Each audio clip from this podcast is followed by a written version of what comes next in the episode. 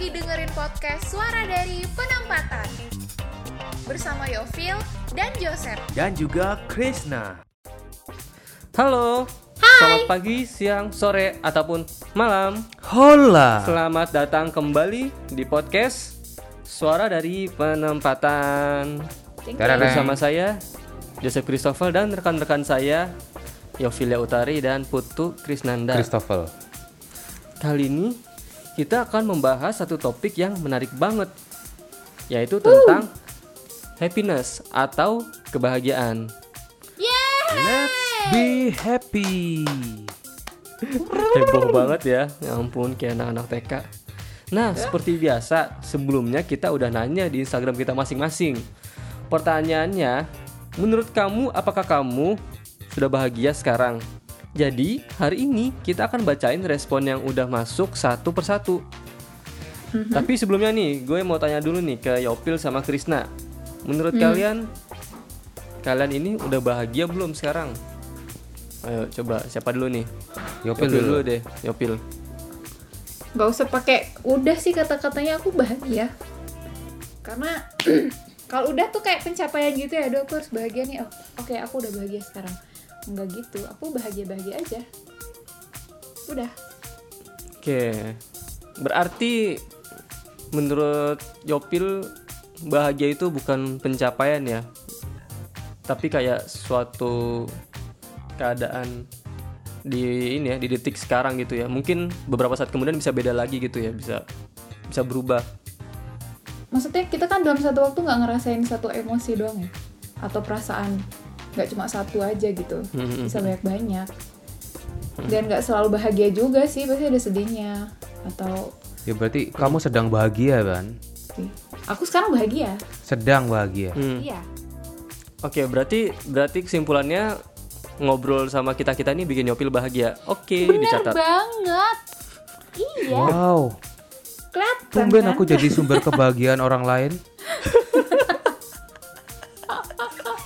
Biasanya biasanya sumber malapetaka ya. Iya seringnya gitu, tapi bikin bahagia juga walaupun sedang bikin Hmm. malapetaka, tapi jadi lucu aja gitu sama dia. Syukurlah Iya aku jadi punya Nggak, semangat hidup. gue tuh bahagia tuh bukan tujuan, tapi apa yang dirasain sekarang aja. Iya, Lalu mm. enjoy this moment aja gitu. Oke oke. What are you feel at this exact moment gitu ya? Yes, Belum yes, tentu. yes, yes. 5 menit kemudian bisa beda gitu. Jadi gimana? Selanjutnya Krisna gimana Kris? Kamu itu sudah bahagia belum sekarang? Atau kamu ini ba- lagi bahagia atau enggak gitu deh? Oke. Saya sih sekarang sedang bahagia. Terus Kok kayak Ah. nggak bahagia ngomongnya?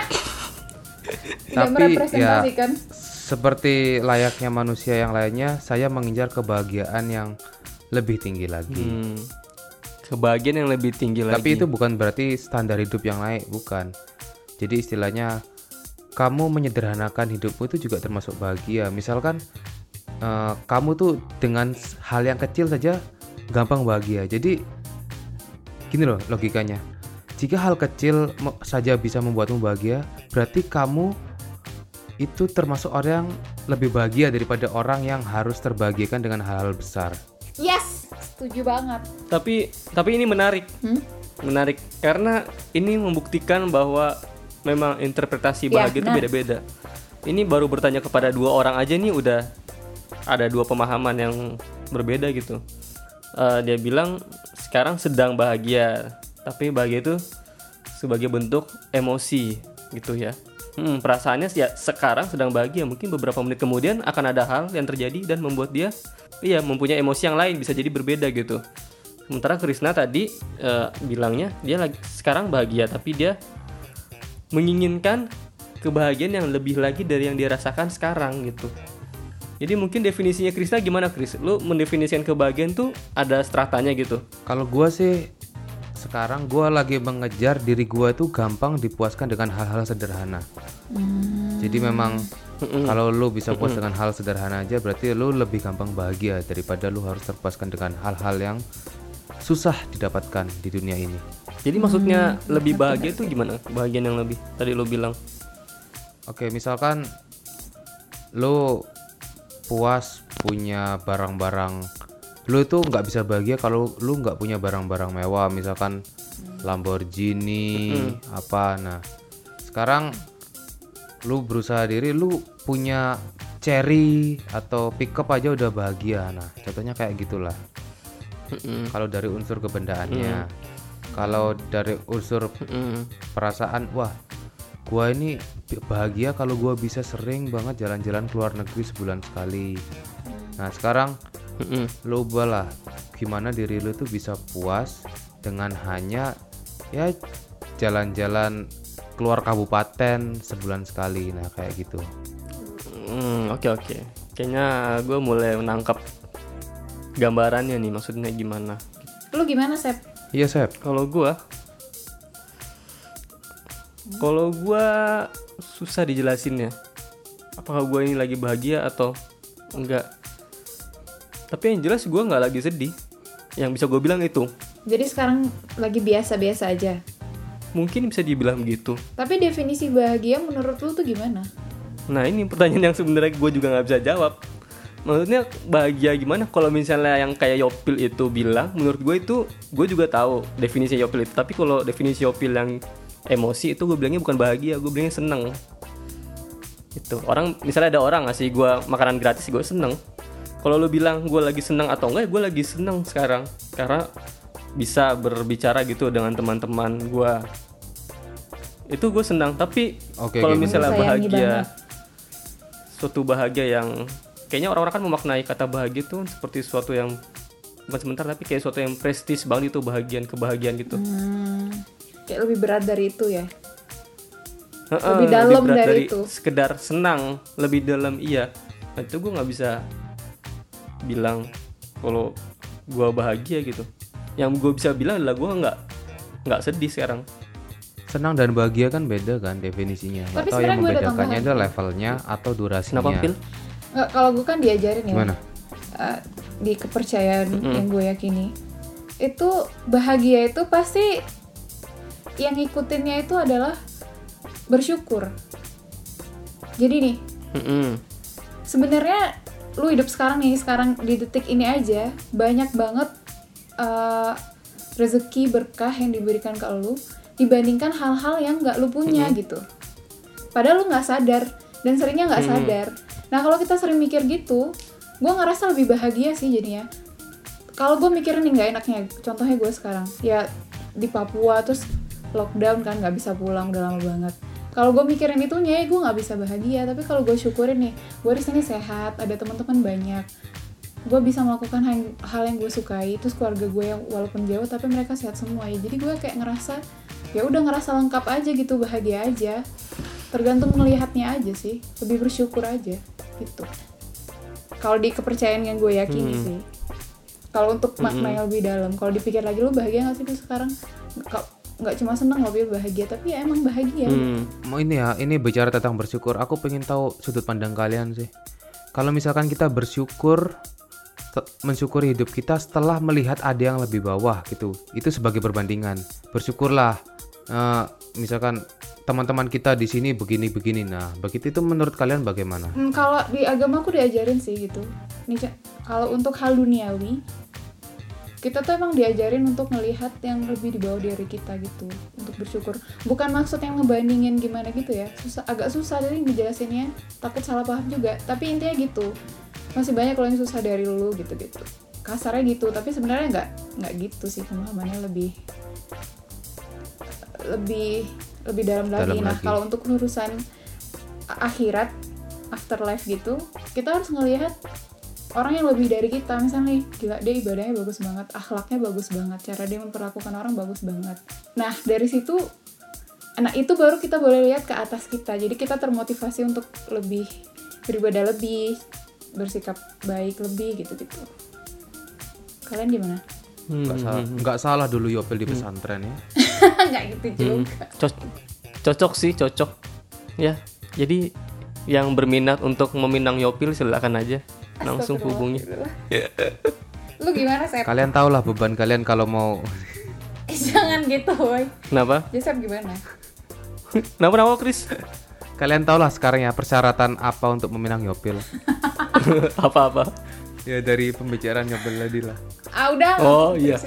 Udah udah tersirat lah ya udah cukup jelas lah yang pasti gua dan Krisna udah terdis udah nggak bisa Kris Mundur yuk, Sep. kita udah kalau kalau ada listnya Kris udah nama kita paling bawah digunting dibuang dibakar Iya. Eh lanjutin nanti ke mana-mana loh ini. eh iya kalau menurut gua yang soal bersyukur nah ini ini emang definisinya tuh sesuatu yang semua orang tuh bisa memaknai masing-masing kalau dari gue gue juga bisa mem, apa eh, misalnya gua bisa bertanya apakah bersyukur tuh sama dengan bahagia gitu. Apakah dengan gue bersyukur misalnya gue jalan nih terus tiba-tiba ada ranjau. Ranjaunya meledak tapi gue nggak kena ranjau itu. Gue nggak kena ledakannya. Apakah itu artinya gue bahagia? Gue bersyukur gue nggak kena ranjau itu. Tapi apakah gue berharap setiap hari gue akan lolos dari ranjau mematikan itu gue naik motor terus eh, motor gue tiba-tiba selip bannya gitu terus gue hampir jatuh ke jurang tapi akhirnya gue nggak jatuh di jurang. Apa gue bahagia karena gue selamat? Apakah setiap hari gue berharap selalu selamat dari dari kejadian-kejadian yang hampir membunuh gue gitu? Itu kan bisa gue bisa bertanya seperti itu gue mengkritisnya seperti itu. Itu loh. Tapi ini eh, penyalahgunaan bersyukur ya. Menurut kalian lebih banyak orang yang bersyukur lalu bahagia, apa bahagia dulu baru bisa bersyukur? Kayaknya banyakan yang yang gue tanya itu apakah bahagia dulu baru bisa bersyukur kayaknya ya. Nggak tahu ya tuh beda lagi aku. bahagia dulu baru bisa bersyukur. Hmm, nggak tahu itu. Itu makanya yang gue pertanyaan apakah bahagia dan bersyukur itu punya hubungan? Atau bersyukur ya bersyukur aja dan bahagia adalah lain lain halnya. Misal- beda case gitu. Istilahnya gini loh, kalau ada orang kena cobaan, tapi mereka kuat, mereka tuh bersyukur. Nah, orang yang bisa bersyukur saat kena cobaan itu orang yang bahagia nggak sih menurut kalian? Oke, pokoknya kalau Yopil setuju gitu ya, bersyukur tuh bahagia. Kalau kalau gue sih, kalau menurut gue ya itu beda kasus. Dan kalau pertanyaannya Krisna tadi, itu masalah nggak sih kalau lo bersyukur? Karena ngelihat yang di bawah lu gitu. Kalau menurut gue sih ya, gue kalau gue pribadi ya gue sih nggak selalu membandingkan dengan orang lain. Tapi kalau misalnya gue kena sesuatu yang buruk ya, gue selalu akan berpikir ya udah it could be worse. Itu bisa lebih buruk dari ini. Tapi gue nggak nggak selalu harus merasionalkannya dengan mencari-cari siapa yang lebih buruk dari gue siapa yang lebih sial dari gue oh ada. Oke. Berarti gue lebih baik keadaannya dan gue harusnya bersyukur. Nggak gitu ya. Gue gue mau berpikir Berarti sendiri lebih ngelihat ke diri lu mencari sendiri logika gitu ya. sendiri. Ini ada loh. Mungkin ya bukan orang iya lain. ini ini bisa loh. Sebenarnya iya. Misal gue dapat sesuatu gue langsung berpikir ini sebenarnya bisa nih gue lebih buruk dari ini. Gitu. Jadi ya gue bersyukur aja. Nggak harus serta merta gue mencari sampel real. Ada orang yang lebih sial dari gue ya nggak perlu gitu lah. Oke oke. Nah, mengenai tentang kebahagiaan, tadi kan kita udah masing-masing berbicara nih. Udah ada tiga definisi nih dari Krishna begini, Yopil begini, dan gue begini. Masing-masing memaknai pertanyaan tentang kebahagiaan tuh beda-beda. Nah, sekarang gue mau men-share dulu nih sebuah video yang pernah gue baca, eh baca video yang pernah gue tonton di YouTube dulu waktu gue lagi iseng-iseng nyari tentang filosofi-filosofi gitu gue ketemu satu video dia membahas salah seorang filsuf filsuf eh, lupa gue dari Turki kalau nggak salah. Pokoknya dia juga eh, meneliti tentang makna kebahagiaan. Nah namanya Epicurus. Epicurus ini dia seperti kebanyakan filsuf lainnya dia tuh juga punya sekolah filsafat terus punya banyak pengikut gitulah. Nah kelompoknya Epicurus ini mereka tuh terkenal dengan gaya hidup yang sangat-sangat sederhana. Si Epicurus sendiri tuh dia pergi tuh cuman bawa dua helai jubah dan mereka tuh biasa makan cuman roti zaitun atau kalau lagi lagi hedon hedonnya tuh cuman krim keju doang gitu Nah, ajaran Epicurus yang terkenal itu adalah dia tuh menyimpulkan kalau misalnya manusia itu tuh selama ini salah dalam mengartikan kebahagiaan gitu. Setidaknya ada tiga kesalahan manusia dalam memahami tentang sumber kebahagiaan. Yang pertama itu adalah eh, manusia tuh sering mengartikan kebahagiaan itu asalnya dari hubungan atau relasi yang romantis atau relasi secara seksual. Padahal kenyataannya dia mengamati banyak juga pasutri yang tidak bahagia gitu. orang udah menikah tapi ternyata terjadi mungkin perselingkuhan atau mungkin ada KDRT kita tahu sendiri lah eh, banyak banget gitu hal-hal yang gak selalu mulus dalam menjalin hubungan gitu.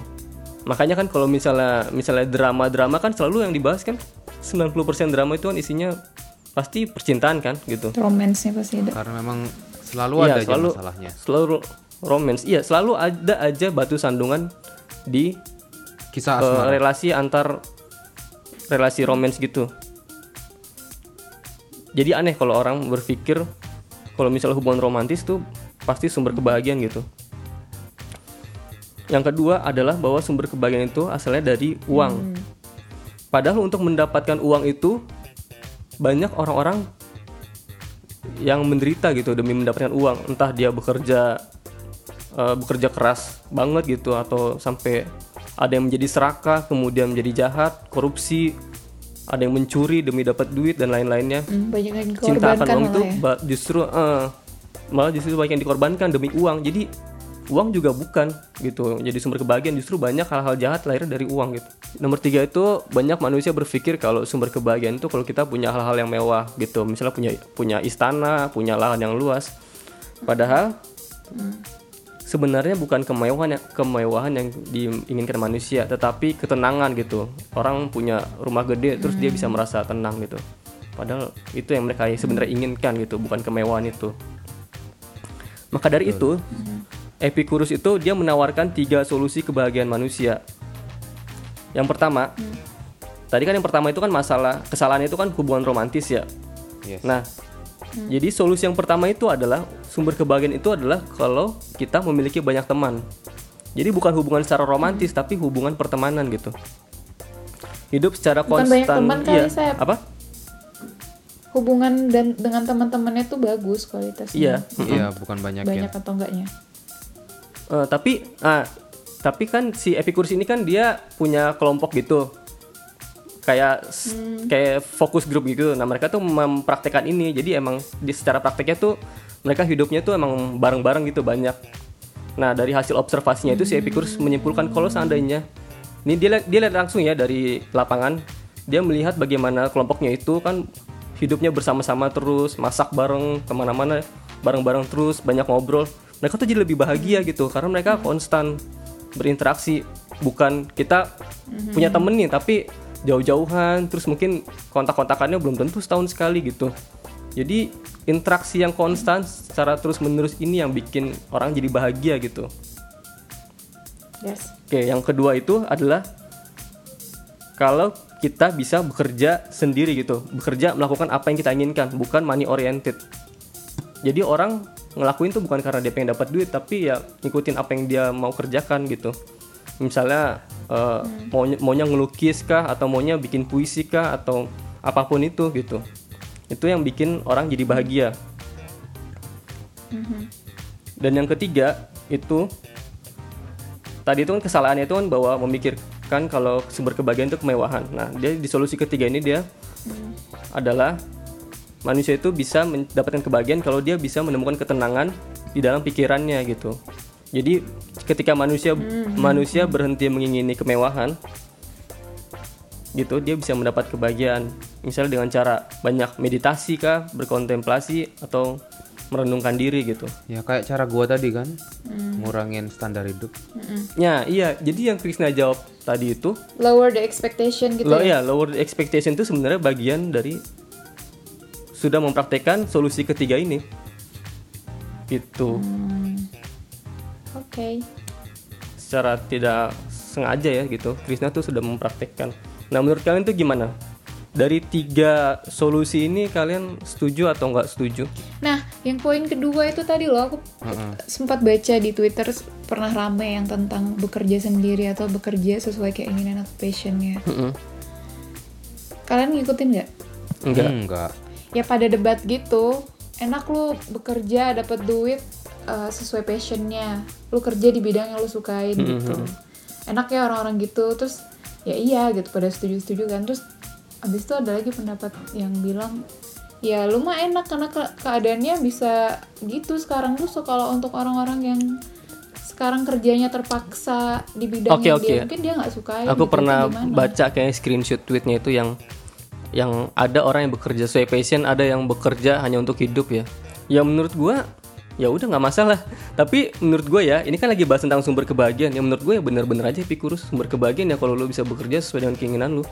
Tapi bukan berarti kalau lu kerja nggak sesuai keinginan lu lu nggak bahagia juga kan. Mungkin ada cara yang bikin lu bahagia dengan cara yang lain gitu kali ya kan lu masih punya eh, itu opsi satu dan tiga lagi. Kalau opsi dua nggak bisa lu penuhin Iya, opsi iya. satu dan tiga Iya sih benar-benar. Eh, menurut gue ini tiga solusinya Epikurus ini lebih kayak sesuatu yang ideal gitu. Sesuatu yang ideal tuh belum tentu realistis bisa menopang kehidupan. Nggak iya belum tentu realistis. Benar. Ya masalahnya kita emang kita belum menemukan sistem yang bisa bikin begini ideal begini. Tapi mungkin kalau misalnya ada suatu sistem di mana kita hidup ditopang nggak tahu gimana caranya nih. Misalnya kita ber, berandai-andai ada ada suatu sistem negara di mana kita tuh hidupnya ditopang tiap hari dapat duit dapat gaji. Tapi kita bebas ngapain apa ngapain apa aja. Nah menurut gue tiga hal ini ya bener. Ya nggak? Tapi kalau gitu Sep ya datar-datar aja nggak sih hidupnya? Kayak nggak ada yang dikejar nggak ada hambatan. Justru ya nggak tahu ya. itu yang bikin Eh, yang pasti Epicurus ini dia nggak mikir dari angin. Ini dia observasi lapangan gitu.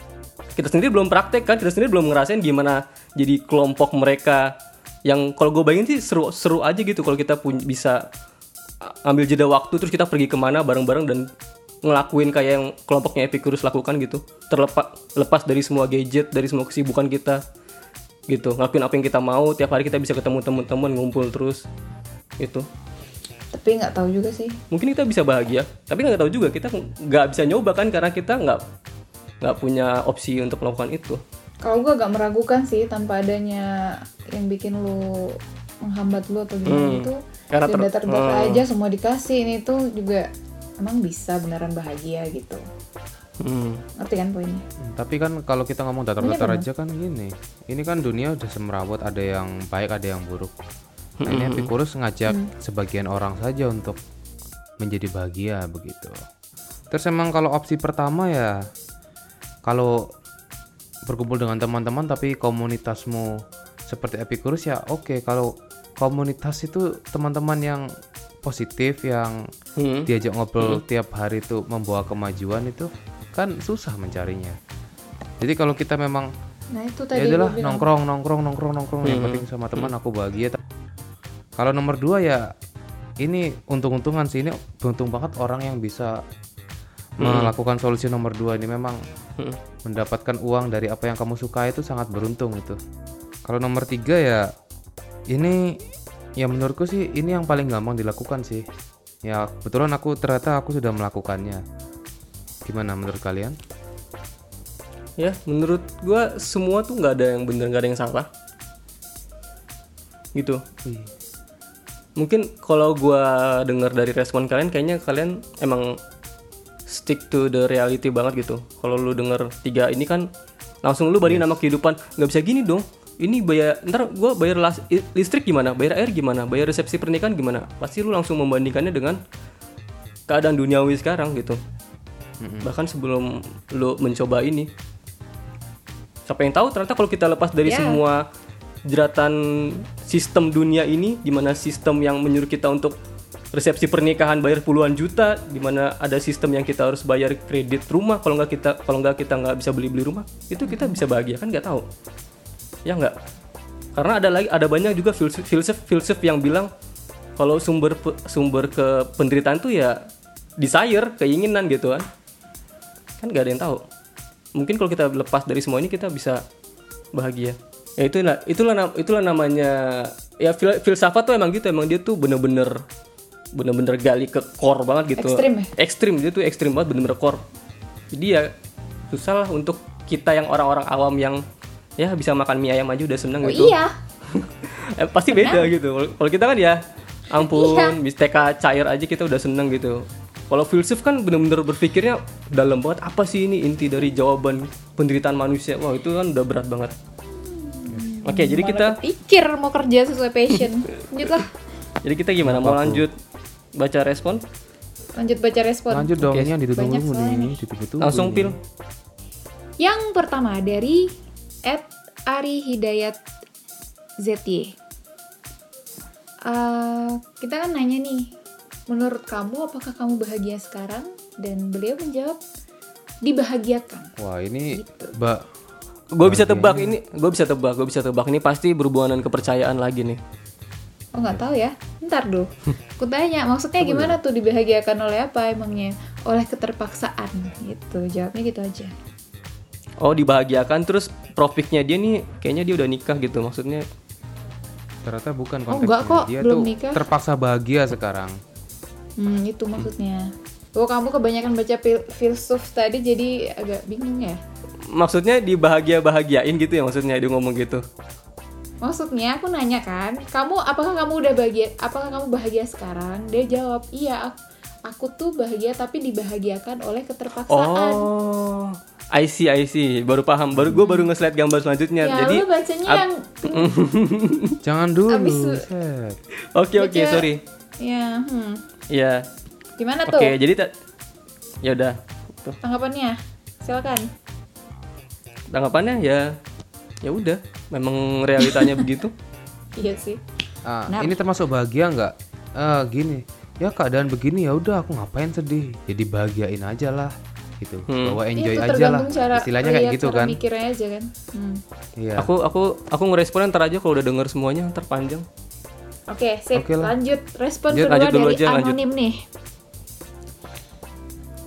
Dia jawabnya gini, bahagia tapi nggak lengkap rasanya kak, soalnya belum bisa pulang kampung. Sekarang sih aku bahagianya karena dikelilingi orang-orang kantor yang senasib. Jadi ngenes bareng-bareng dan akhirnya ngakak bareng-bareng juga. Kebetulan di kantor banyak yang kurang lebih seumuran. Gitu. Berarti ini sesuai dengan itu ya, solusi yang pertama dari Epicurus. oh iya benar Hmm, yap, teman-teman ya. Respon ketiga dari BMLMCMC. Agak ribet ya. Belum sepenuhnya bahagia. Walaupun ada duit, tapi lingkungan gak suportif sama aja toh kak. Gitu. Su bilang, kalau lingkung kalau lingkungan gak dukung gak enak banget. Gitu. Hmm, hmm, hmm. Udah deh. ya inilah salah satu contohnya uang itu bukan sumber kebahagiaan lah ya Tapi uang bisa lu gunain untuk menambah buat kebahagiaan. tuh bahagia. Iya. menambah nih, lu- kebahagiaan. Iya. buat beli barang-barang atau hal-hal yang bikin lu seneng atau Hmm, hmm. lu sedekahkan kayak atau apa kayak bisa aja kan? Udah responnya gitu aja. Lanjut nih. Dari @prio underscore moku. Bahagia itu apa? Dia bilang gitu kan. Terus gue bilang bahagia itu happiness mas. Terus masnya bilang gini bahagia sering kali tidak sesederhana apa yang orang lain jadiin caption di sosial media. Prio Moko. Ah sudahlah. Kamu pengikut Epicurus ya? Prio moko moko. Kamu pengikut Epicurus nggak? kayaknya dia filsuf juga dia. Kenapa tuh? Pertanyaannya. Agak berat gitu ya? Bahagia itu apa? Oh langsung itu tanda-tanda filsuf itu. Lanjut. Lanjut lanjut lanjut. Cepat. Dari Ed May Hastuti. Aku bahagia dengan diriku sendiri. Wow. Wow, wow. Itulah. Yang kok ada respon aku baca aku respon sendiri. Ya tapi nggak seru aku baca tapi respon sendiri kayak. aku aku udah respon Aku loh aku hmm, aja. Aku bac- aku dengerin aja lagi. Tapi aku inget kok respon orang-orang. Lanjut ya. Dari Ed Acik SWR. Hmm, seringnya kayak B aja gitu, nggak happy tapi nggak sedih juga. oh ini kak Joseph wah sama Iya lu banget. Gua bacanya aja ngebayangin muka lu. Nanti gue jelaskan. Sip, oke. Lanjut. Dari Ed. Eh ini dari anonim nih. Hmm.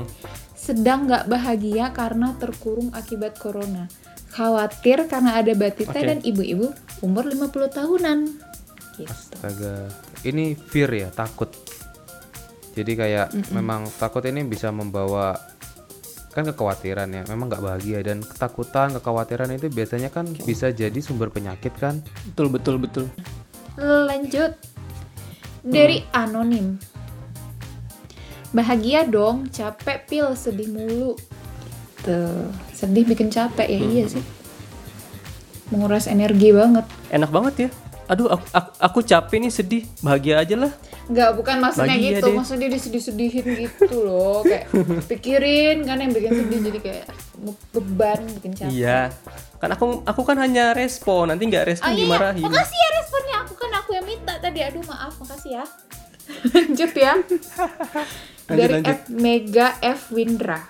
Dari banyak kesalahan, proses pembelajaran dan perbaikan diri, alhamdulillah bahagia. Gitu. Jadi memang wow tapi kamu pasti lebih bahagia kalau jadi bintang tamu di podcast Suara dari Penempatan. Bisa tuh buat buat bahas traveling bisa nih. Ya kan? Bisa bisa masuk. Eh nanti aku kalau misalnya uh, forget gitu ya, misalnya harusnya anonim, kalian tolong ingetin aku ya. Oke. yes. Oke, respon selanjutnya dari Lydia Anggita Putri.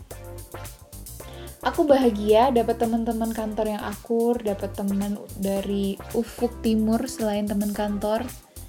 Plus-plusnya dapat suami dan anak di penempatan. Walau tentunya tetap ngarep pindah ke kampung segera. Muhehehehe. Wah, Ini mirip-mirip kayak luar aku deh. biasa. Kita sekarang lagi bahagia, cuma sedang mengincar kebahagiaannya lebih tinggi. Begitu. Jadi kan di sini bisa kumpul bareng suami, anak-anak. Kalau Hmm. pulang kampung, plus juga kumpul sama orang tua, keluarga yang lainnya. Nah seperti Oh, itu Oke, kan. sekarang aku benar-benar paham. Oke, Chris. Lanjut, respon dari Ed Vilda Simbolon. Terkadang. Ya semoga Vilda Simbolon ini uh, lebih konsisten lagi lah ya bahagianya, bukan hanya kadang-kadang. Itu ciri-ciri orang mudi itu. Iya juga. Mah, lanjut dari Ed al underscore saban underscore. Hmm, bahagia cuman masa-masa saat ini. Kadang-kadang rasanya kayak membosankan. Hmm, aku Oke. kurang ngerti sih. Aku juga nggak ngerti, jadi lanjut aja.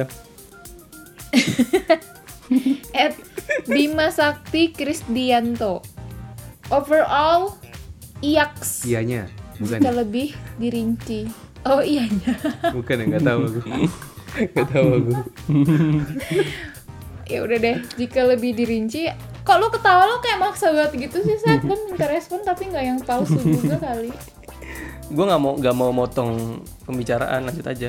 Oke lanjut. Overall iya, jika lebih dirinci ada beberapa aspek tidak. Gitu. Berarti Wah, overall lah ya, dulu kumulatifnya lah ya. Hmm. Jadi kumulatifnya bahagia. Selanjutnya dari Ed Pony Aci bahagia. Wes itu aja. Bagus sih. Udah. Nah oke. respon terakhir nih anonim ya Ya. Ya mana? belum bahagia dan menurut gue nggak akan pernah bisa mencapai itu. Wah ada ekstrim. Kok penutupnya gini banget? Hmm, lu salah pilih ini dia lanjutan dari Big Bima Sakti. Oh alah. Mm. Jadi kan dia bilang kan overall dia bahagia, tapi ada beberapa aspek yang dia nggak bahagia. Oke. Terus pas gue tanya aspek yang mana gitu, dia bilang ya itu aspeknya itu menurut dia nggak akan bisa mencapai itu. Gitu. Hmm. Oke. Habis. Habis. Oke habis, Weh. habis. Silakan responnya bapak-bapak sekalian. respon nih. Ya, jadi dari itu aja kita bisa lihat ya ada berapa banyak puluh interpretasi tentang kebahagiaan itu. Ada yang ada yang sesuai dengan yang kita pikirkan, ada yang beda. Gak ada yang benar-benar sama gitu. Mm, Semua orang punya Semuanya beda-beda masing-masing. Ada yang pemahaman bahagia itu beda-beda. Jadi setiap kita menanyakan menanyakan tentang kamu udah bahagia belum ya? Bingung juga orang jawabnya gitu. Karena interpre- interpretasinya tuh bebas banget gitu. Ya karena karakteristik manusia beda-beda kan, hobinya apa, sifatnya bagaimana, prioritasnya dalam hidup apa, kan beda-beda. Sep, kayaknya lu banyak yang lu pendam yang pengen lu omongin silakan. Ini gue baru mau ngomong. aja. Dari tadi tuh kayak mm, ham, ham gitu. Ayo keluarin aja. Keluarkanlah, Ini Podcast punya lu keluarkanlah. ini ka- ini karena banyak banget pemahaman jadi gue ngerasa apa ya kalau misalnya gue tanggapin satu-satu tuh bisa berjam-jam jadinya. Kalau per, per respon. Ya secara umum tuh ya beda-beda. Ada yang ada yang setuju ada yang nggak setuju itu bukan berarti benar atau salah tapi cuman masalah setuju atau nggak setuju. Cuman yang gue paham hmm, yang gue paham tuh tadi ini dari Krishna maksudnya eh, Krishna bilang kan dia peng dia sekarang bahagia tapi eh, berharapnya bisa lebih bahagia lagi. Nah itu kalau gua kalau gua tangkapnya ya, itu lebih ke keinginan sih. Maksudnya dia sekarang sih fine fine aja tapi bukan berarti dia berhenti menginginkan sesuatu. Dia masih pengen lagi gitu. Jadi rasa inginnya tuh belum berhenti di situ. Itu yang gue tangkap dari definisi bagi Krishna terus aduh ada banyak gue jadi lupa ya pokoknya itulah Will Kalau Krisna gimana Krisna? Kamu ker- sering meditasi gitu nggak sih Kris? Eh kok tahu? Iya. Oh iya, ya gimana ya kalau aku, aku meditasi, meditasi kan ya tujuannya untuk bahagia. Tujuan, tujuan itu kan memang keinginan. Jadi aku rajin meditasi tiap hari kan punya tujuan. Jadi aku bekerja keras loh ini. Jadi aku pengen lebih bahagia lagi. Aku pengen lebih eh, menenangkan pikiranku lagi. Jadi tuh ya kayak ya, bertentangan sama Yopil bilang sih kayak eh, aku bilang bahagia ini pencapaian karena emang kalau di kepercayaanku, weh ngomong kepercayaan lagi. Mhm. Tujuan Ya nggak apa-apa kan kita kebetulan tiga-tiganya beda jadi biar kalian tahu. orangnya gampang percaya ya oh ya. Tujuan tujuan akhir ini bukan surga, Hmm, tapi moksa. Itu adalah kebahagiaan Yeah. tertinggi begitu. memutus rantai reinkarnasi ya Yes, betul sekali. Joseph memang pengetahuannya tinggi. Iya, jadi memang itu kayak tujuan. Jadi tujuan itu tidak jauh dari pencapaian kan? Tapi gini Kris, gue penasaran aja sih pengen nanya. Oke. Apa per- perbedaan yang lu rasain sebelum meditasi sama lu setelah meditasi? wah menarik nih ayo Oke, kalau secara psikis aku nggak bisa merasakan. Kapu kalau secara fisik sih aku bisa. Apa aku nafas lebih ringan. Nafasku jadi aku tuh bisa jadi tarik lebih nafas. Wow. lebih ke- kerasa secara fisik daripada psikis Ya karena emang aku kalau secara psikis ini nggak bisa merasakan sendirilah. Mungkin orang lain yang yang bisa merasakan aku perubahannya kayak gimana kayak gitu. Hmm. Ya mungkin baru kemarin kan sempat bolong-bolong ini baru beberapa hari lagi. Kebetulan kan ini aku lagi water fasting kan. Jadi nggak makan Oh, iya, nggak iya. makan apa-apa cuma minum air putih. Itu akan itu bisa hidup Chris cuman minum air putih dong Iya bisa karena cadangan energiku banyak. oh iya I see tapi lu tetap rasa lapar kan Eh, di hari pertama kedua aja ketiga udah enggak. Gila lu ya Itu berapa hari Kris? Aku nanti sampai 1 Agustus. Jadi tiga minggu lebih lah. Tiga minggu nggak makan sama sekali. Iya. Gokil itu mah cepet turunnya Doakan aku masih hidup. Weh gitu gitu amat Iya, agak ekstrim ya. lu jangan mati dulu kan lu yang punya antivirus corona Oh iya, gua dari masa depan ini. Time traveler. Oke, lanjut. Gimana Pil? Kalau kamu? Iya, nggak kalau dari respon teman-teman tadi tuh aku kayak Joseph gitu sih waktu dapat respon satu-satu bacain kan. Kayak wah gila ya, setiap orang tuh beda-beda banget loh cara memandang bahagia itu apa. Menurut mereka bahagia itu apa, terus mereka ngerasa bahagia atau enggak gitu tuh beda-beda cara ngerasainnya. Ya udah, gue lebih kayak ya udah sih kalau menurut lu bahagia gini, nggak bahagia gini, dan cara lu mencapai bahagia gini ya udah terserah itu cara lu gitu. Gue nggak bisa memaksakan cara gue ke lu dan lu nggak bisa memaksakan cara lu ke gue gitu. Ya udah terserah nggak apa-apa kok. Masing-masing orang punya cara sendiri. Gitu aja. Nah itu, gue juga mikir gitu. Makanya kalau misalnya kayak tadi disuruh nanggapin ya, malas aja jatuhnya jadi kayak memperdebatkan hal yang tidak perlu diperdebatkan gitu. Eh, terus kenapa ada judul podcast seperti ini? ya justru itu. Juga. untuk kita, untuk kita mendapatkan pemahaman. Oh ternyata tuh orang beda-beda gitu. Pertanyaan itu tuh hanya pemancing saja. Semua orang tuh punya definisi kebahagiaan yang beda-beda gitu. ya terus gue makin oh ya udah gue tuh nggak perlu loh nge-push diri gue buat bahagia gue harus ini gue harus mencapai ini nih nggak jadi nggak perlu gitu ngerasanya karena kayak ya udah emang punya orang punya cara beda-beda gitu Benar. Iya bener. Kita kayak ini loh, terbuka. Wih, ternyata bisa deh bahagia dengan cara ini. Oh, dia bisa bahagia dengan ini. Kenapa aku harus niru dia untuk bisa bahagia? aku akan menggunakan caraku sendiri Hmm, begitu benar Iya, jadi daripada kita dengar orang mendefinisikan sesuatu terus kita langsung mengkritisi, ah nggak gitu. Lebih baik kita responnya, oh gitu ya, oh keren lah kamu kalau begitu. semoga bahagia ya Oke. Kok kayaknya ending pembicaraannya jadi menurun gitu moodnya. Maksudnya menurun gimana? bahagia loh ini. Gak maksudnya yang tadi kan kayak nih sekarang kayak iya iya bahagia gitu iya. ya gimana ya kita setelah baca komentar teman-teman jadi merenung ini bicaranya sambil merenung Wah, apa yang harus gue Iya lakukan sih. setelah ini Dalam. Lebih gitu ya. Nah, oke. Ah. Eh, se- Biasanya ngomong gak mikir ya Chris. Tadi Iya. terakhir-terakhir kayak mikir banget. Jadi lebih mikir mau ngomong tuh. ya Sebenarnya oke gue ada yang mau diomongin juga. Udah nih ada yang mau ditambahin nggak? Nggak, gue pengen ngomong. oke Masih bisa nggak? Masih ada waktu nggak? masih dong nanti dikat-kat sama Yopil kok tenang. Paling lu kalau omongan lu nggak penting juga nggak gue masukin. Nggak, yang tadi yang kenapa gue tadi kan di awal ditanya gue udah bahagia atau belum, terus kan gue susah jawabnya. Nah terus si Acik tadi juga jawab gitu kan, dia ngerasa biasa aja gitu, nggak bahagia nggak sedih gitu. Nah sebenarnya sebenarnya tadi gue mau jelasin di awal, tapi mending di belakang aja gitu kan, biar setelah semuanya baru dijelasin. Jadi ini gue baru gue juga baru tahu nih setelah searching searching sebenarnya apa yang gue rasakan itu ses- sesuatu yang sudah dipraktekkan, di, dijabarkan dan dipraktisi gitu ribuan tahun yang lalu gitu. Jadi ini juga filsafat nih. Jadi ada satu aliran ajaran itu mungkin kalian kalian udah pernah dengar namanya. Itu namanya Stoicism. Stoicism itu ininya lah nama itunya, tapi atau dari kata dasar itu stoik, ajaran stoik gitu, orang-orang stoik. Nah, jadi eh, ajarannya ini yang gue tangkep ya. Mungkin kalau orang denger yang lebih tahu pasti nggak gitu. Sebenarnya nggak gitu. Nah, tapi ini dari pemahaman gue yang sangat dangkal ya. Stoicism itu adalah suatu ajaran di mana berusaha untuk kita tuh tidak terlalu emosional. Intinya gitu. Tidak terlalu ekstrim ketika kita menghadapi sesuatu. Baik sesuatu itu yang positif maupun yang negatif itu nggak nggak over gitu.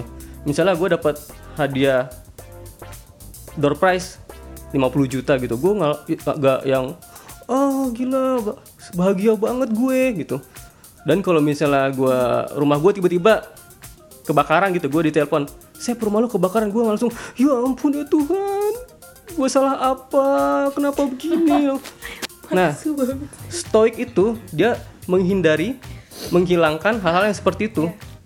Karena menurut mereka kita akan menjadi bahagia mencapai suatu titik. Gue lupa istilah Yunaninya apa tapi itu terminologinya ya mirip-mirip bahagia lah. Ketika kita bisa menghilangkan itu itu kasarnya Ya. Ya ampun Sep, gue pernah mikir gini. Ya terus.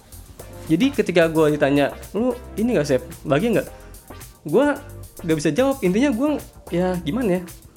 Dan gue ini bener-bener bukan cuma teori gue merasakan. Gue baru nyadar oh ini yang gue praktekkan. Bukan praktekkan sih gue otomatis terbentuk. Gue terbentuk menjadi sosok yang seperti ini. Bukan gue memilih untuk menjadi seperti tapi terbentuk. Jadi contohnya gini realnya. Gue pernah pernah ditelepon gitulah dari rum dari rumah. Emak gue nelpon terus ngasih suatu kabar musibah gitu gue nggak emosi nggak nggak emosional.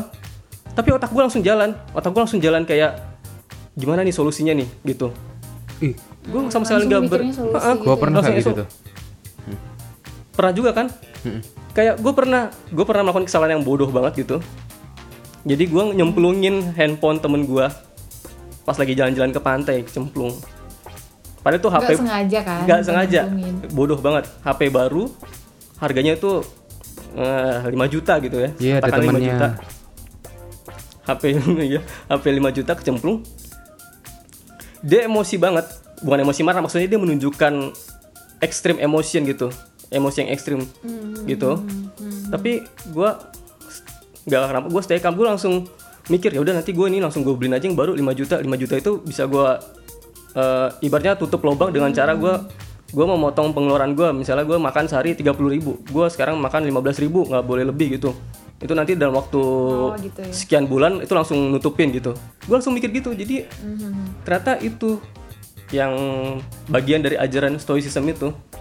Dan mungkin si Acik ini juga gitu. Mungkin dia mungkin Acik ini perjalanan hidupnya mungkin mirip-mirip gua jadi dia terbentuk menjadi sosok yang gitu. Dan mungkin ya kalau gua bisa kalau gua mau sok tahu atau menebak-nebak mungkin orang-orang yang terbentuk ini orang yang udah kayak udah terlalu sering banget kena musibah gitu ya terlalu sering kena kena ditendang oleh kehidupan. Iya, iya, ngerti, ngerti. dia tuh jadi jadi kayak mungkin orang orang awam bilangnya emotionless tapi bukan emotionless tapi dia kayak rasional. Nah ini salah satu kata kunci stoicism tuh yang gimana manusia tuh jadi benar-benar rasional. Jadi ketika menghadapi sesuatu dia langsung mikir ini kenapa? Penyebabnya apa? Terus gimana cara ininya? gitu gitu loh. Langsung nyari solusi gitu ya. Heeh, jadi dia eh, bukan terdriven oleh emosi tapi terdriven oleh reasoning atau logika gitu. Wow. Ya, ya, ya, gitu. Ya, intinya kayak inilah intinya kayak bikin emosi lu stabil nggak moody kan?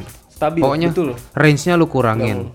Jadi bahagia nggak terlalu bahagia sedih nggak terlalu sedih. Jadi kayak Iya, nggak ada outlier-nya begitu. Heeh. Jadi kayak emosi lu lebih di tengah itu lebih bahagia gitu ya Bener. heeh. Oke, we got it. Hmm, tapi lu se- sebagai orang yang emotionless kayak gitu lu ngakunya dibilang kayak gitulah. Stabil tapi lu pernah kan merasakan eh, kebahagiaan yang overwhelming banget ya? Pernah. begitu iya kan? Tapi itu yang gue bilang mungkin itu bukan bahagia mungkin itu seneng gitu.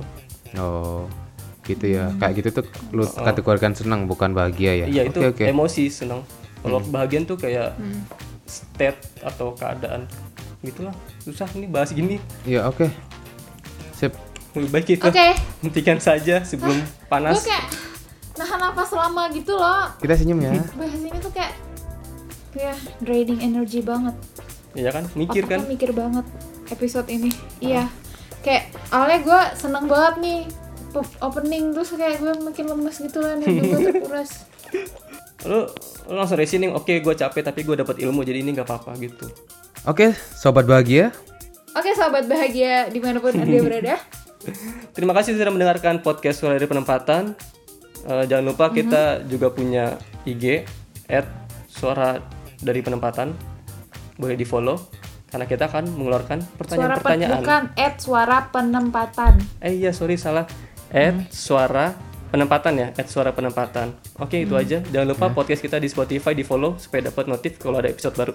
terima kasih juga untuk respon teman-teman see you in the next podcast See you next time. Bye.